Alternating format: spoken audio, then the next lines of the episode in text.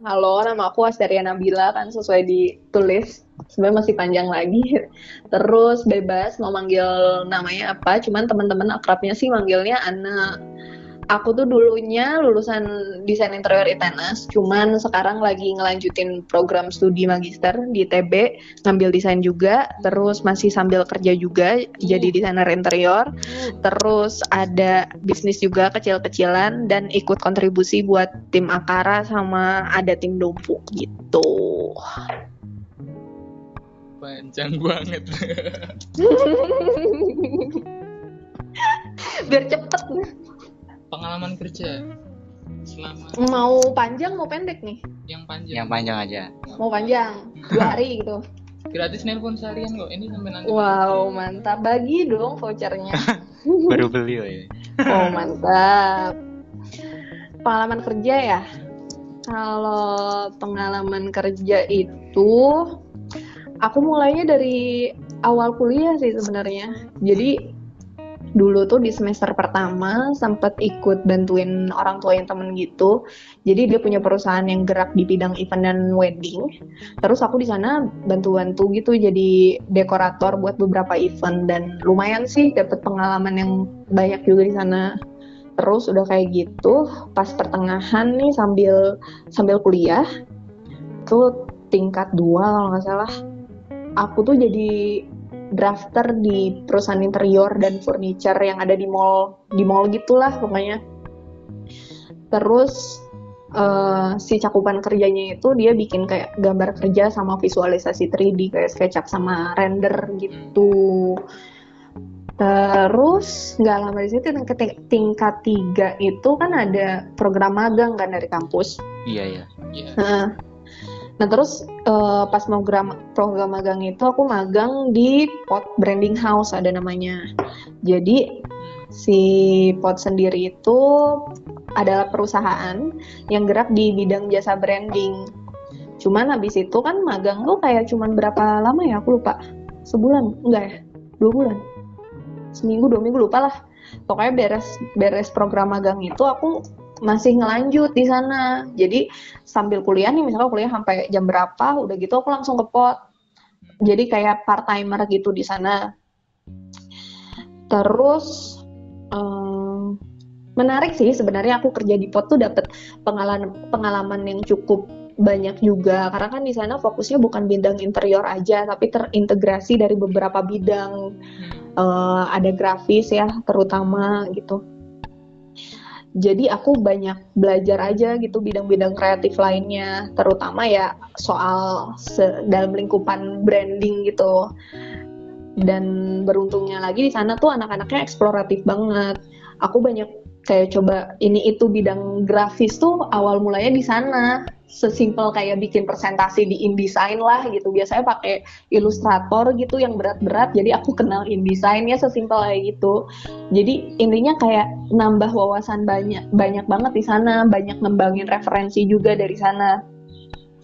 Dan itu tuh yang bikin aku jadi kayak oh dulu tuh ngingetin aku gitu. Dulu tuh aku pengen banget jadi desainer grafis. Cuman atas banyak pertimbangan tuh aku akhirnya milih jadi desain interior. Nah terus punya pengalaman kerja di pot ini tuh jadi nguatin aku yang uh, yang punya kesukaan banget di bidang grafis uh, untuk jadiin itu tangible di interior gitu karena sebelum itu tuh aku pernah nyobain gimana ya caranya bikin grafis yang pakai perangkat interior gitu. Hmm. Jadi kayak aku bikin satu apa ya konten visual.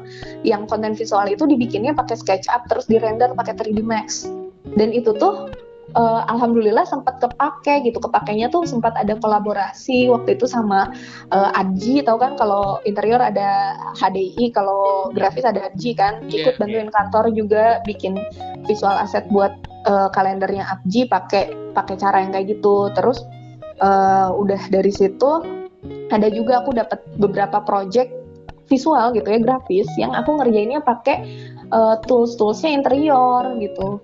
Dah dari situ tuh aku aku aku jadi mikir gitu, kenapa kenapa aku nggak nggak ngebalik aja nih karena profesi aku bidang keilmuan aku biar nggak mengkhianati kan aku interior kan kenapa nggak visual visual yang aku suka itu aku jadiin ke dalam interior aku.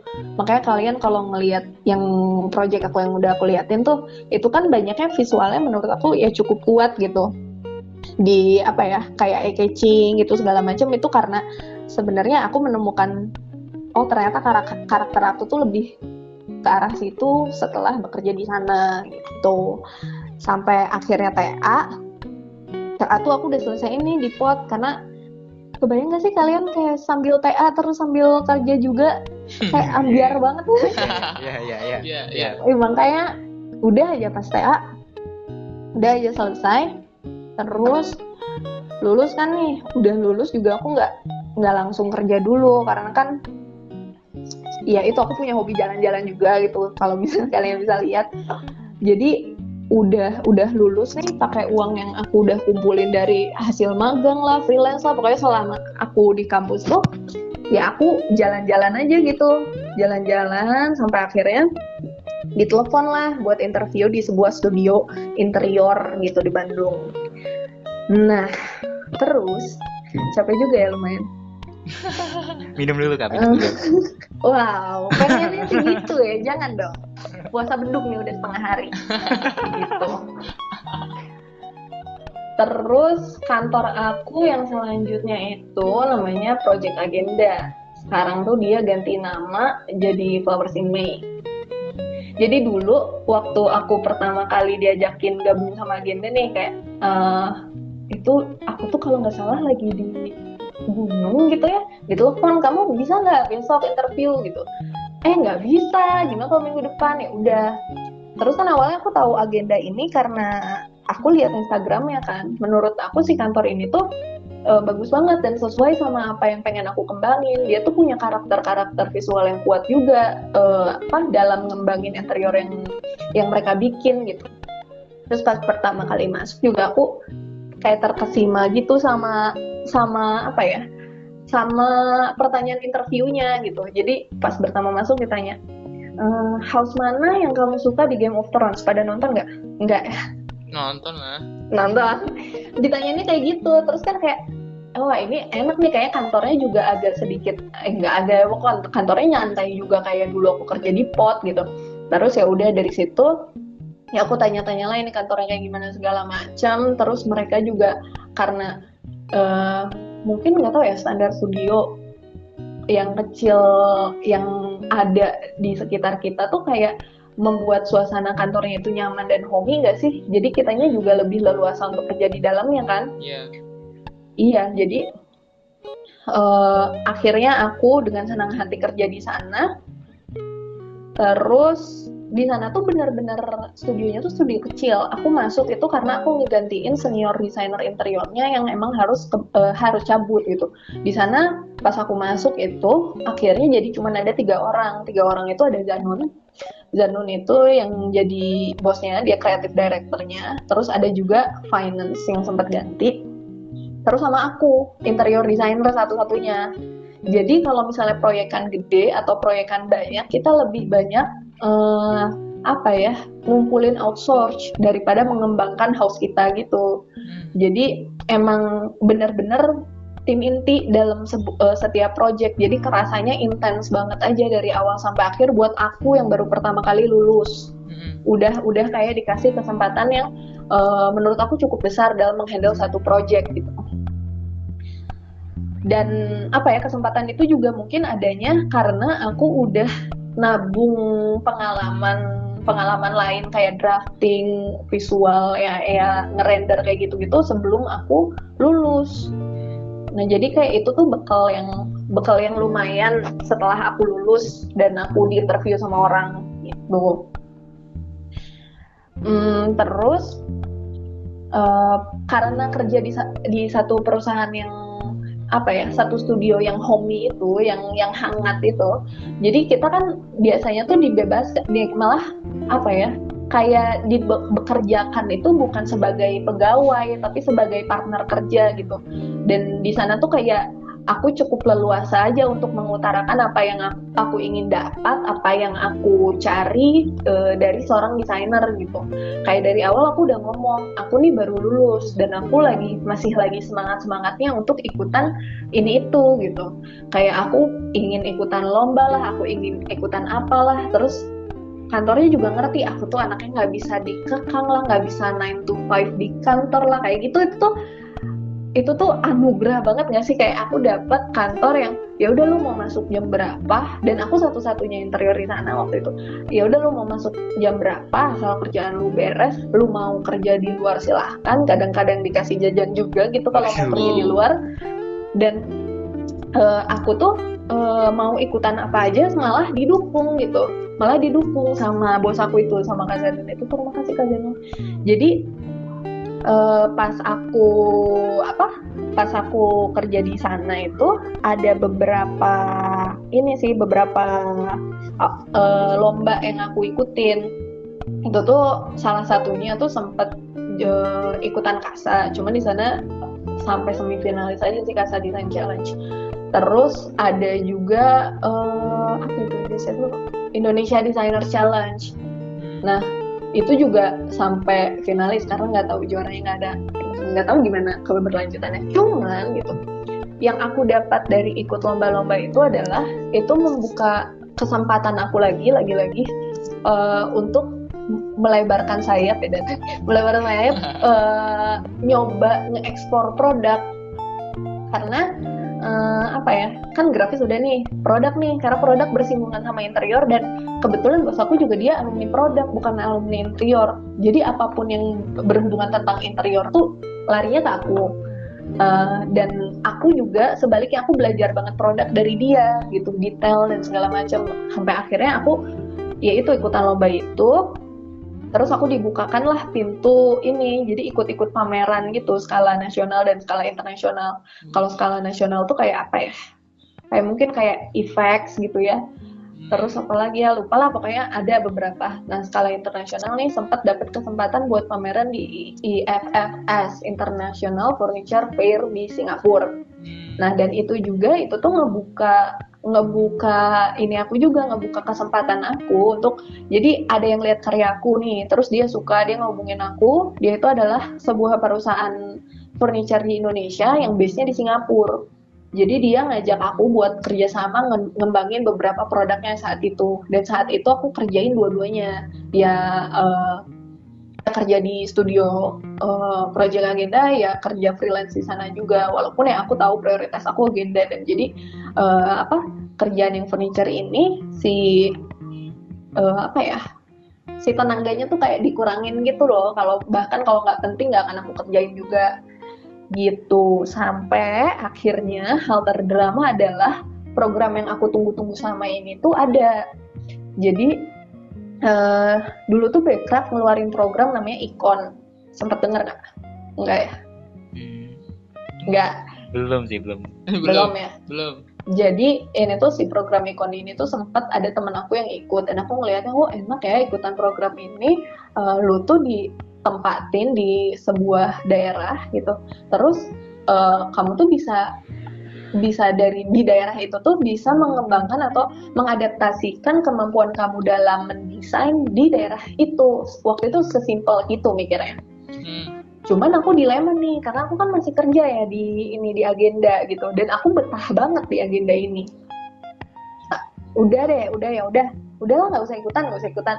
Sampai akhirnya tuh tanggal 5 kalau nggak salah penutupan tanggal berapa lah itu penutupan aku nggak masukin si program ikon ini tapi ternyata aku dapat pemberitahuan kalau si program ini di extend jadi diperpanjang si masa seleksinya Terus aku yang asalnya nggak ingin ikutan, teman-teman aku nih ada dua apa tiga orang itu ngajakin lagi buat ikutan dan daftar barang mereka. Akhirnya aku ikutan lah karena kepan eh maksudnya ya udahlah bareng teman-teman ini gitu. Ikutan lah, pas udah ikutan masuk ke tahap seleksi satu, masuk ke tahap seleksi intinya yang dipanggil cuma aku doang. Sisanya enggak. Aku kan makin dilema lagi ya, terus kayak minta izin lah ke nun gitu ke bos yeah. ini gimana ya kayak uh, gini gitu gini gitu karena pas aku ngeliat lagi nih udah-udah diseleksi kan kasih briefing nih ini apa aja sebelum nanti akhirnya lolos dan aku harus tanda tangan kontrak kan sama backcraftnya ternyata tuh aku harus uh, kayak standby kayak kontrak kerjasamanya tuh selama satu tahun. Dan aku tuh harus standby selama kurang lebih empat bulan lah untuk mengerjakan sesuatu gitu. Yang khusus di sana walaupun dalam empat bulan itu pulang pergi lah dua minggu di sana dua minggu di sini. Tapi kan kayak nggak mungkin juga aku sambil ngehandle project gitu. Apalagi di sana tuh ya aku sendirian itu yang se seperti yang aku bilang gitu. Jadi aku minta izin lah sama Nun terus Nun bilang kayak ya mungkin dia kecewa banget ya kecewa banget lagi lagi kayak gini dia nggak punya siapa-siapa terus uh, aku aku cabut juga gitu. Ya pas di situ sih dia bilang uh, ya mau gimana gitu kalau misalnya kalau misalnya emang itu bisa mengembangkan kamu menjadi seorang desainer masa aku mau ngehalang-halangin katanya gitu terus ya di situ malah jadi mikir aduh gimana nih kayaknya kalau misalnya belajar di sana juga kok malah jadi malah jadi nggak pengen di sana gitu karena dapat dapat lingkungan yang seperti ini. Tapi ya udah mikir mikir mikir mikir oke okay, kayaknya memang aku harus harus coba nih sesuatu yang baru karena kalau nggak diambil kapan lagi? Aku tahu sih kayak seleksinya mungkin nggak uh, cukup susah buat aku gitu. Nggak nggak nggak bisa yang asal masuk masa nanti kalau misalnya udah keterima aku nggak ikut juga. Eh ternyata beneran keterima. Nah udah beneran keterima tuh jadi aku dapat penempatannya waktu itu kan di Dompu. Tahu nggak Dompu di mana? Dompu. Nggak tahu. nggak? Adalah aku juga nggak tahu. Pas, pas pembagian tuh dikasih tahu uh, aku dapet di Dompu gitu. Uh, pas Dompu di mana? Sampai nge-search dulu Dompu tuh ternyata ada di Kepulauan Sumbawa. Dia ada di NTB sebelahnya Bima. Sebelahnya Bima sama sebelahnya Sumbawa gitu. Oke dan pas belajar di sana ternyata nggak sesimpel kamu tuh di dibawa jalan-jalan keluar terus kamu membagiin profesi kamu gitu. Nggak sesimpel itu. Jadi kamu tuh dibawa secara profesional sama pemerintah dengan tanggung jawab tanggung jawab yang khusus untuk ada di sana intinya gitu terus apa ya ternyata keputusan aku milih ikon ini buat aku pribadi secara manusia dan secara profesional itu uh, kayak berhasil nampar apa ya nampar aku secara keras baik apa ya baik secara karir maupun lainnya gitu. Kayak apa ya ini aku kasih gambaran sedikit kali ya sama program ikon program ini tuh adalah program kolaborasi gitu yang nempatin kayak tadi nempatin kamu di satu daerah tertentu gitu. Satu timnya itu ada 10 sampai 12 orang yang dalam satu tim itu terdiri dari uh, apa ya dari berbagai lini gitu dari berbagai profesi yang profesional gitu. Jadi kayak ada ada arsitek desain aja ada produk grafis tekstil hmm. interior gitu. Terus ada lagi fashion, terus belum lagi fotografer, videografer, terus ada juga uh, pertunjukan, terus ada juga uh, business developer, ada juga antropolog gitu. Jadi eh ini ada suara binatang bocor nggak? Enggak, enggak. Enggak, enggak. enggak. Ya udah. Jadi intinya dia tuh dalam satu tim itu terdiri dari beberapa beberapa disiplin ilmu yang aku juga belajar untuk belajar untuk berkolaborasi di dalamnya. Nah, di samping berkolaborasi di dalamnya, kalian juga harus menyesuaikan diri dan berkolaborasi juga sama uh, lingkungan tempat kalian ditempatin gitu. Jadi kolaborasi sama stakeholder atau apa ya pemangku kepentingan yang ada di sana gitu. Dan uh, di program ikon ini tuh pas aku daftar itu umur minimal buat masuk itu 27 tahun. Aku waktu itu 23 tahun. Dan aku lolos. Jadi uh, aku itu termasuk bocil-bocil yang ada di dalamnya itu loh. Yang kayak yang lain kok udah pada 30-an udah punya anak tiga udah punya bayang di, kelompok aku sendiri tuh yang anaknya tiga tuh udah dua lah. Ada yang udah eh pokoknya pengalamannya jauh di atas atas aku gitu. Jadi kayak aduh ini aku sok-sokan banget sih ikutan ini gitu kan. Yeah, yeah. kayak tapi ya itu dari sanalah aku belajar banyak sih tentang uh, tentang profesi aku sendiri gitu. Gitu dan kebetulan juga gitu di sana tuh ditempatin di Dompu yang dia tuh termasuk daerah tertinggal yang punya ti- apa tingkat pendidikan tuh 9 dari 10 daerah yang ada di samping-sampingnya. Pokoknya berat banget hidup aku di Iya, sana menurut aku waktu itu ya apalagi harus mengemban eh, apa tanggung jawab untuk menyebarkan kemampuan profesiku di sana yang aku bercermin lagi oh ternyata aku nggak bisa apa-apa ya aku bukan siapa-siapa kayak gitulah. A- ada pertanyaan-pertanyaan yang eh, apa ya cukup ya itu menampar tadi. Nah terus yang bisa kalian bayangin juga ketika kita sebagai desainer interior itu biasa dihadapin sama dinding atap lantai kan buat Iya, konsumsi sehari-hari. Iya. Bayangin ke- ketika kalian ada di daerah tertinggal gitu yang boro-boro gitu itu tuh ada gitu. Kayak mm, kalaupun ada emang begitu perlunya ya peran desainer interior untuk ada di sana tuh gitu. Terus eh, ketika kalian di sana juga sebagai desainer interior apa sih eh, profesi kalian apa sih gitu yang bisa eh, bikin kontribusi buat ngembangin di sana tuh sebenarnya apa? Nah itu juga yang jadi pertanyaan eh, mendasar aku sih untuk terus ngembangin profesi ini. Sebenarnya interior tuh kontribusi untuk masyarakatnya apa gitu. Awalnya ya aku sempet kayak kenapa sih gini tapi ya setelah aku belajar gitu pada akhirnya.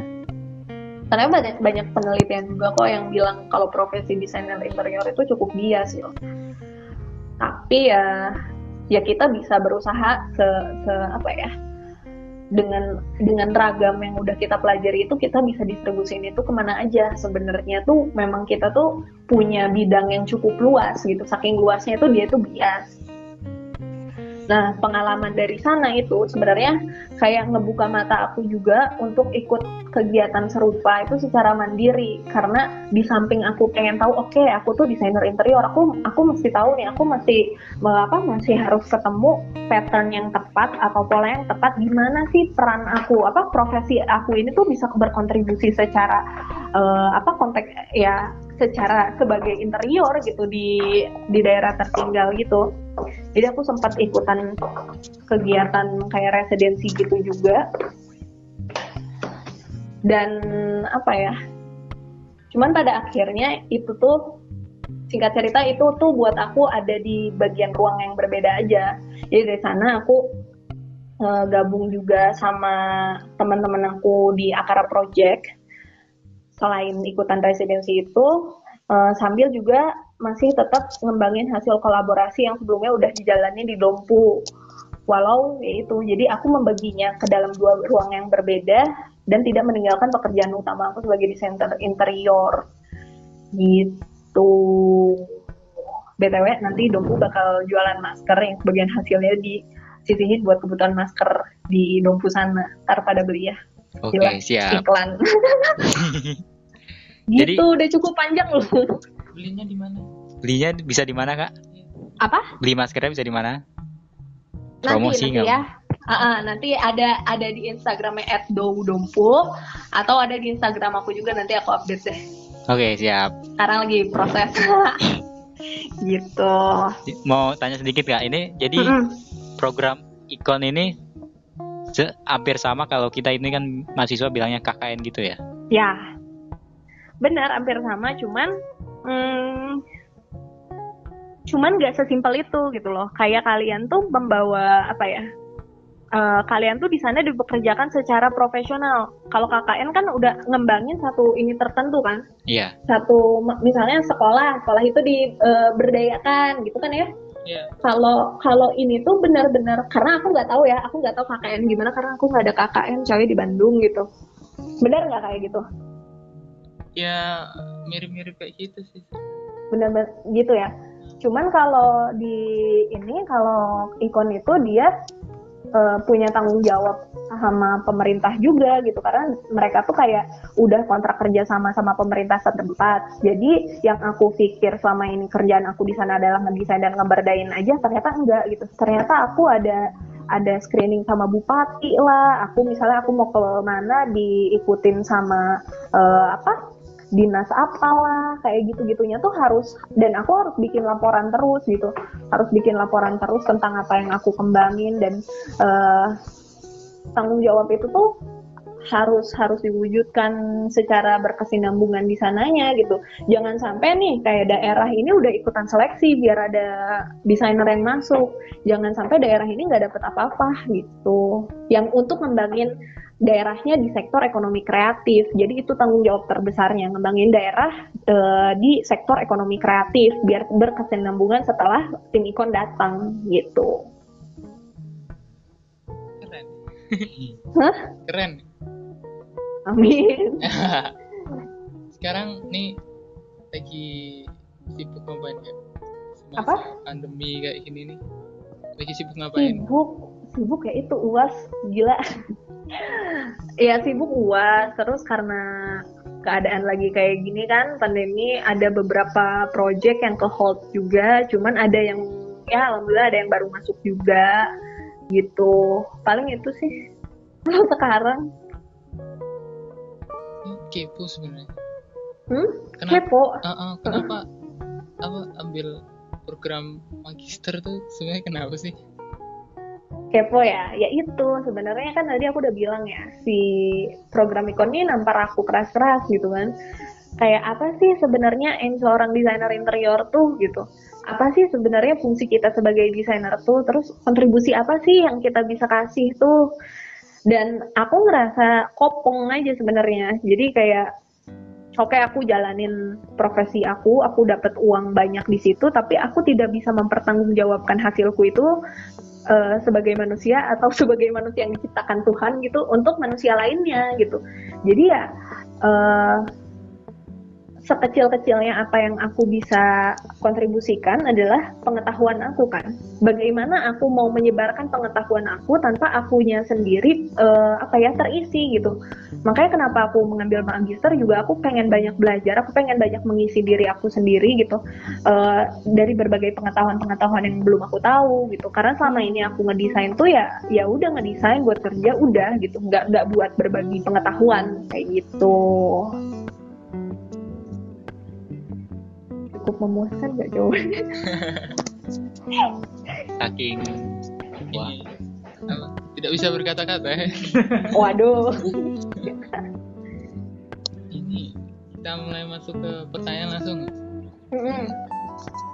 Ya, ada pertanyaan dari Rumba, Rumba at Rumba Jati. Mm. Dia tanya, desain interior itu apa sih sebenarnya? Kata desain interior. Apa ya? Eh, bahasa yang tepat buat jelasin mungkin menurut aku ya desain interior itu sebagai penghubung kali ya kayak kita tuh menghubungkan antara bangunan secara fisik dengan manusia secara psikologis gitu. Jadi kita sebagai desainer interior tuh harus mampu nyiptain satu lingkungan baru buat memenuhi sebuah kebutuhan dan kompleks kompleksitas ruang eh, dan manusia yang ada di dalamnya. Terus kompleksitasnya apa aja? Jelas banyak. Kalian juga tahu sendiri kan kayak salah satunya nilai ergonomis Iya, lah, estetika lah, Iya, terus iya. eh step atau value ruang sendiri itu apalah itu kali ya. Terus kehidupan seorang desainer interior itu kayak gimana sih sebenarnya? kehidupan wow iya gitu aja standar emang gimana gitu mandi pak masih pakai air makan masih pakai nasi gitu kehidupan yang gimana dulu nih maksudnya Aduh, ini yang tanya Rumba. Eh, mungkin mungkin yang dimaksud kesehariannya mungkin ya bang. ya. kalau keseharian sih ya kalau aku sih kalau aku ya kalau aku karena project aku itu banyaknya coffee shop gitu aku sih lebih sering kayak ngelakuin referensi langsung ya kayak merasakan ambien suasana langsung dengan aku ngerjain nger- ngerjain kerjaan aku di coffee shop coffee shop yang menurut aku eh, sesuai sama yang aku suka gitu. Kayak ini kenapa sih dia ngedesainnya kayak gini? Aku mau nyobain ah feelsnya buat di dalamnya gitu. Karena itu kebetulan aku ngerjain coffee shop. Dulu sempet aku ngerjain hotel ya aku nginep di hotelnya gitu. Buat cobain doang buat cobain doang. Terus ya kayak gitu sih kira-kira. Sambil nge-search juga via internet kayak gitu gitu paling. Mm-mm. Lalu kalau yang harus dimiliki oleh seorang desainer interior apa kak? Ini dari Will dan Rizky. Ada yang mau nanya? harus dimiliki oleh seorang desainer interior veteran gitu maksudnya Ya mungkin enggak enggak Iya, iya. skill atau Ya, prinsip bercanda, atau apa kak? gini gini Eh, mungkin kalau menurut aku jadi seorang desainer interior itu yang paling penting itu eh, bekal pengetahuan sama pengalaman kalau aku pribadi itu nggak malu buat mulai semuanya tuh dari awal banget. Kayak yang udah aku ceritain kan aku awalnya jadi bantu-bantu doang ngedekor terus aku jadi drafter nggak langsung gitu. Nggak langsung jump jadi desainer interior yang profesional. Karena menurut aku tuh yang paling penting itu esensial atau si basicnya dulu. Kayak gimana sih mengoperasikan gambar kerja biar bisa detail? Gimana sih eh, 3D nanti? Jadi eh, apa ya si bekal-bekal itu toh akan memper apa ya mempertajam kalian dalam menggeluti profesi kalian. Terutama kalian nih yang masih pada kuliah. Aku sih kalau bisa saranin perbanyak banget pengalaman cari tahu ini itu. Karena jadi mahasiswa itu keuntungannya banyak banget loh dulu. Kayak yang tadi ya off the record udah kita bahas gitu. Aku waktu di ITENAS tergolong mungkin tergolong salah satu mahasiswa mahasiswa yang cukup aktif gitu kayak aku ikut TKMD itu aku ikut kongres ikut bantuin ngurusin juga gitu kan. Dari situ aku jadi kenal tuh kan. Banyak teman-teman aku mau mau ke Jakarta ada teman hasil dari TKMD itu. Terus aku juga di himpunan di himpunan di Imaji di Tenas dulu jadi koordinator. Terus eh, aku sama teman-teman hasil TKMDI itu yang khusus di Bandung itu tuh bikin namanya HDI Muda. Gitu. Itu juga pengalaman yang cukup banyak juga buat aku jadi kenal sama desainer-desainer eh, senior sharing sama mereka gitu. Terus ya sisanya ya kayak pekerjaan-pekerjaan kecil yang sebelumnya aku udah ceritain kayak ngedrafting gitu-gitu. Begitu. Oh jadi HDI itu ada HDI muda juga kak? kalau di Bandung iya. Jadi dulu tuh ceritanya aku kan ikutan TKMDI itu ikutan TKMDI ikutan kongres Iya. beres kongres tuh di angkatan aku anak-anaknya masih pada deket gitu kalian gitu juga kan gimana Iya ya. Iya kan? Nah, terus buat anak-anak yang khusus di Bandung nih, ada ITB, ada Telkom, ada Marnet. Kita tuh sering ngopi bareng gitu. Sering ngopi bareng, terus adalah nih si orang yang bijaksana bernama LG Hadi Alvin gitu kan. Terus ada juga teman-teman aku lainnya yang di sana yang emang eh, produktif gitu. Ada Billy, ada Tufel, ada banyak lah. Emang nah, produktif. Terus kita nyetusin gimana ya kalau kita bikin satu wadah baru eh, yang apa ya? Jadi kita tuh intinya kangen sama suasana TKMDI waktu itu. Iya ya. Kangen terus di Bandung gimana ya kita bisa nyiptain suasana itu? Gimana kalau kita bikin sebuah wadah gitu ya?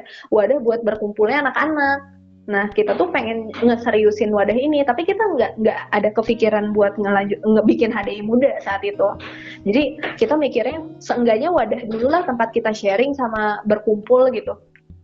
Tapi pas mau ngeseriusin itu kita kan sempet ini kan, sempat mentoring, mentoring, minta saran sama yang udah pernah sebelumnya bikin eh, hal serupa juga. Eh, nah kebetulan kita tuh waktu itu mentoringnya sama ada namanya Uwa.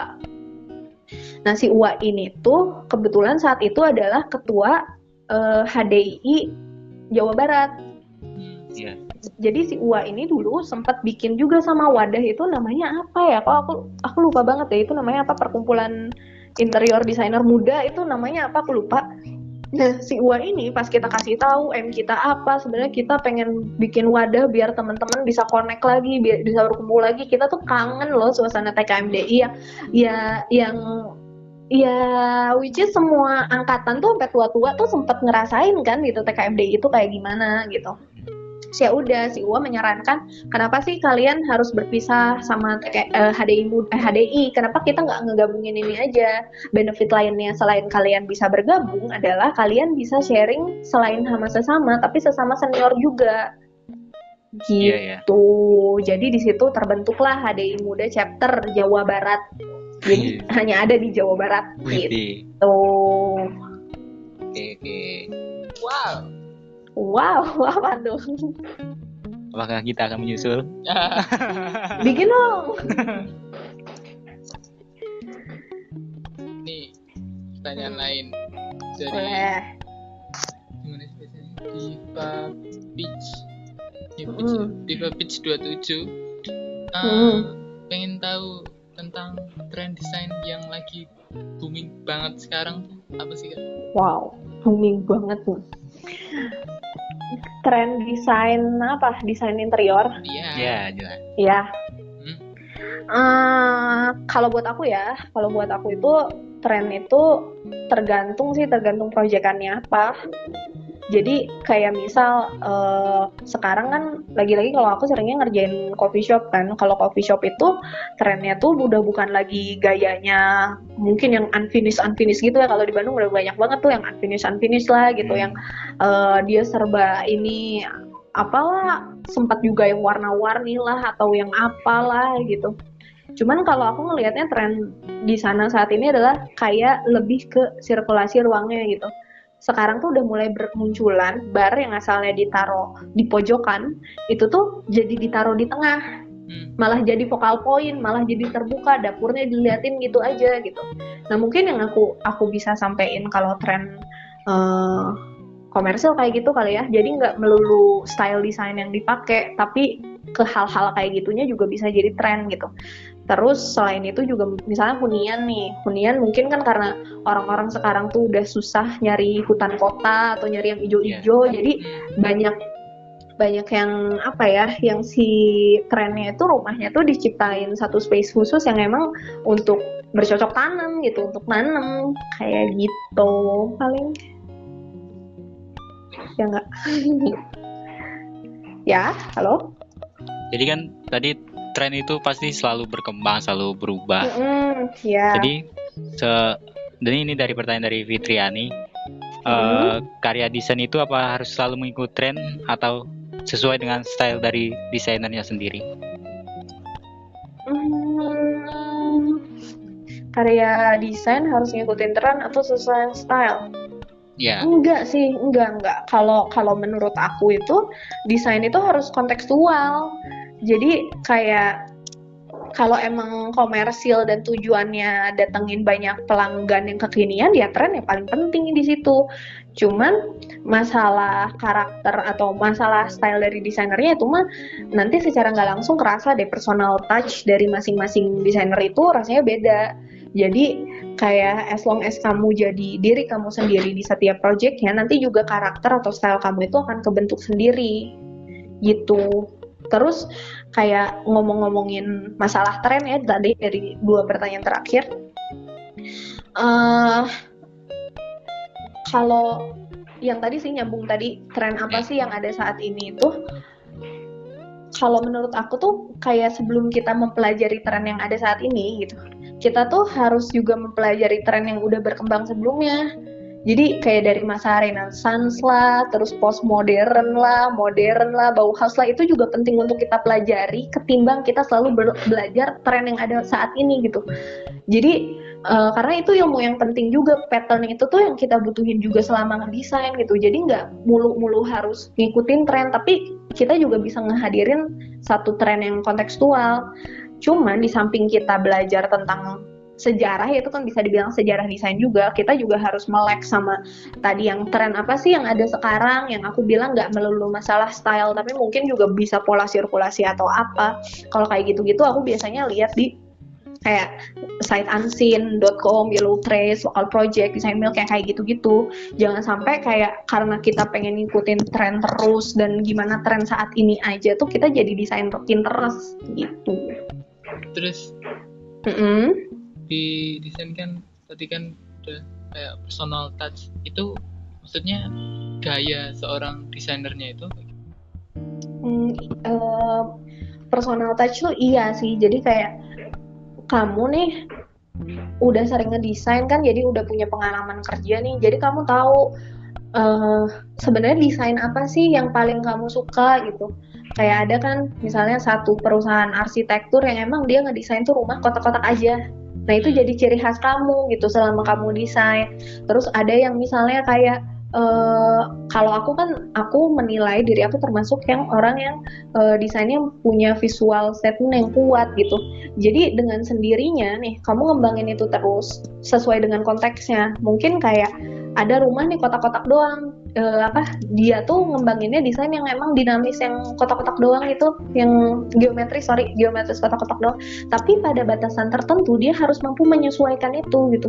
Jadi kalau kita kekeh gimana kekeh angkuh angkuh tetap uh, keras gitu keras untuk ini untuk mempertahankan gaya kita tapi nggak kontekstual juga malah peran kita jadi sebagai desainer tuh malah nggak nggak ini ya nggak berarti ya di sana. Jadi kalau mau personal touch itu sebenarnya yang paling penting kita tahu basicnya dulu. Setelah basicnya kita pelajarin dan kita bisa dan kita uh, udah apa ya udah memegang itu secara lancar ngembangin karakter desain yang kita punya kita punya jalan sendiri gitu untuk nyari jalan keluarnya. Katakanlah kita bisa ini nggak bisa nih pakai visual statement yang uh, kuat.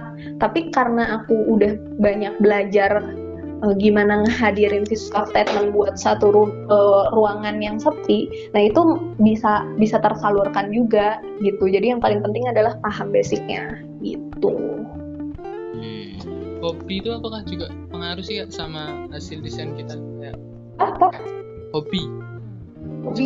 Kita selera nggak cuma ya, apa selera mungkin selera musik apa selera pakaian gitu. Itu kan juga personality kita. Itu kan apakah juga nantinya kan ngaruh ke desainnya yang kita buat? Gitu Oh iya, kalau itu mungkin bukan hobi tapi referensi kali ya? Iya mungkin kalau referensi ya sedikit banyak ngaruh sih kayak apa yang kita konsumsi akan ngaruh juga apa yang kita keluar eh, dikeluarkan oleh kita gitu.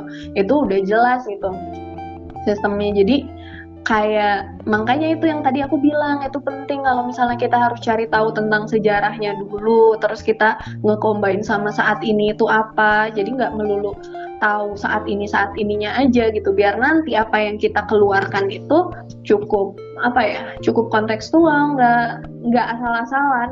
Kayak gitu.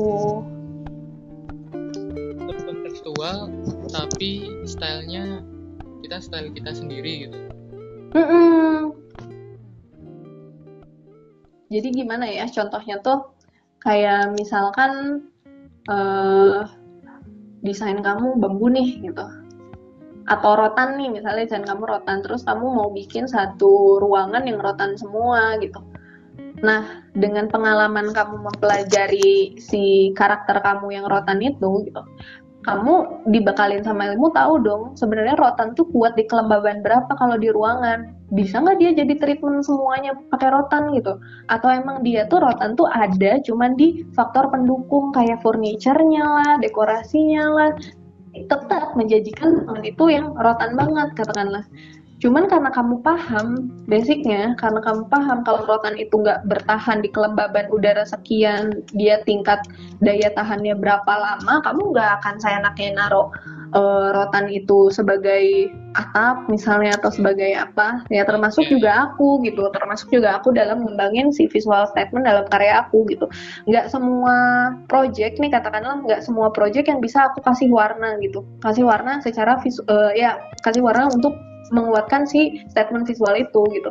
Aku juga belajar dari beberapa project yang ada yang monokrom kan itu ada yang monokrom tapi uh, gimana sih sebenarnya si visual statement yang kuat itu kebentuk selain dari warna kayak gitu.